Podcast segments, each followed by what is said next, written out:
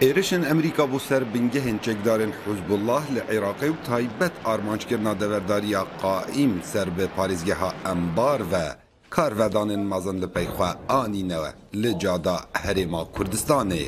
Xelek dixwazin Amerîka pitir li ser evan gropa çekdaran êrişan encam bidetin û ji ber ku wekû ew dibêjin metirsî li ser Herêma Kurdistanê û Iraqê hene.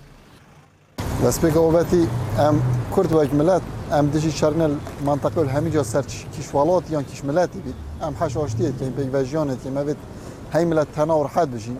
بەس ئەو ملت یان ئەو هێز و لایەنێت سیاسیەت بنە ئەگەرێ شەڕی تێکدانە منطقێژی پێتبیە دەستێک سەرۆژ لە هەبیت نهێلیت نەخۆشیە بوو جیران و تێکدانە منطقه هەمیە بکەن.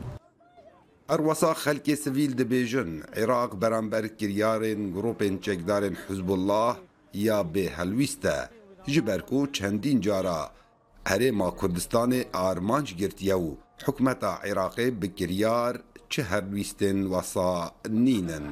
Bêjit em dilgiranî nefseroqel hevlêrê doyn on Kurdistanê den on evê gedin.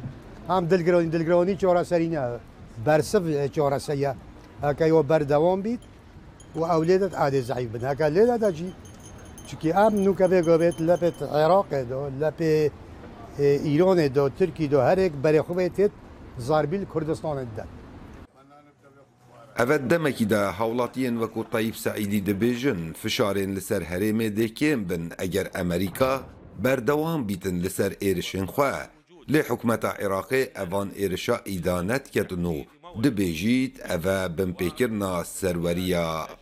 e binpêkirina serweriya Iraqê ye.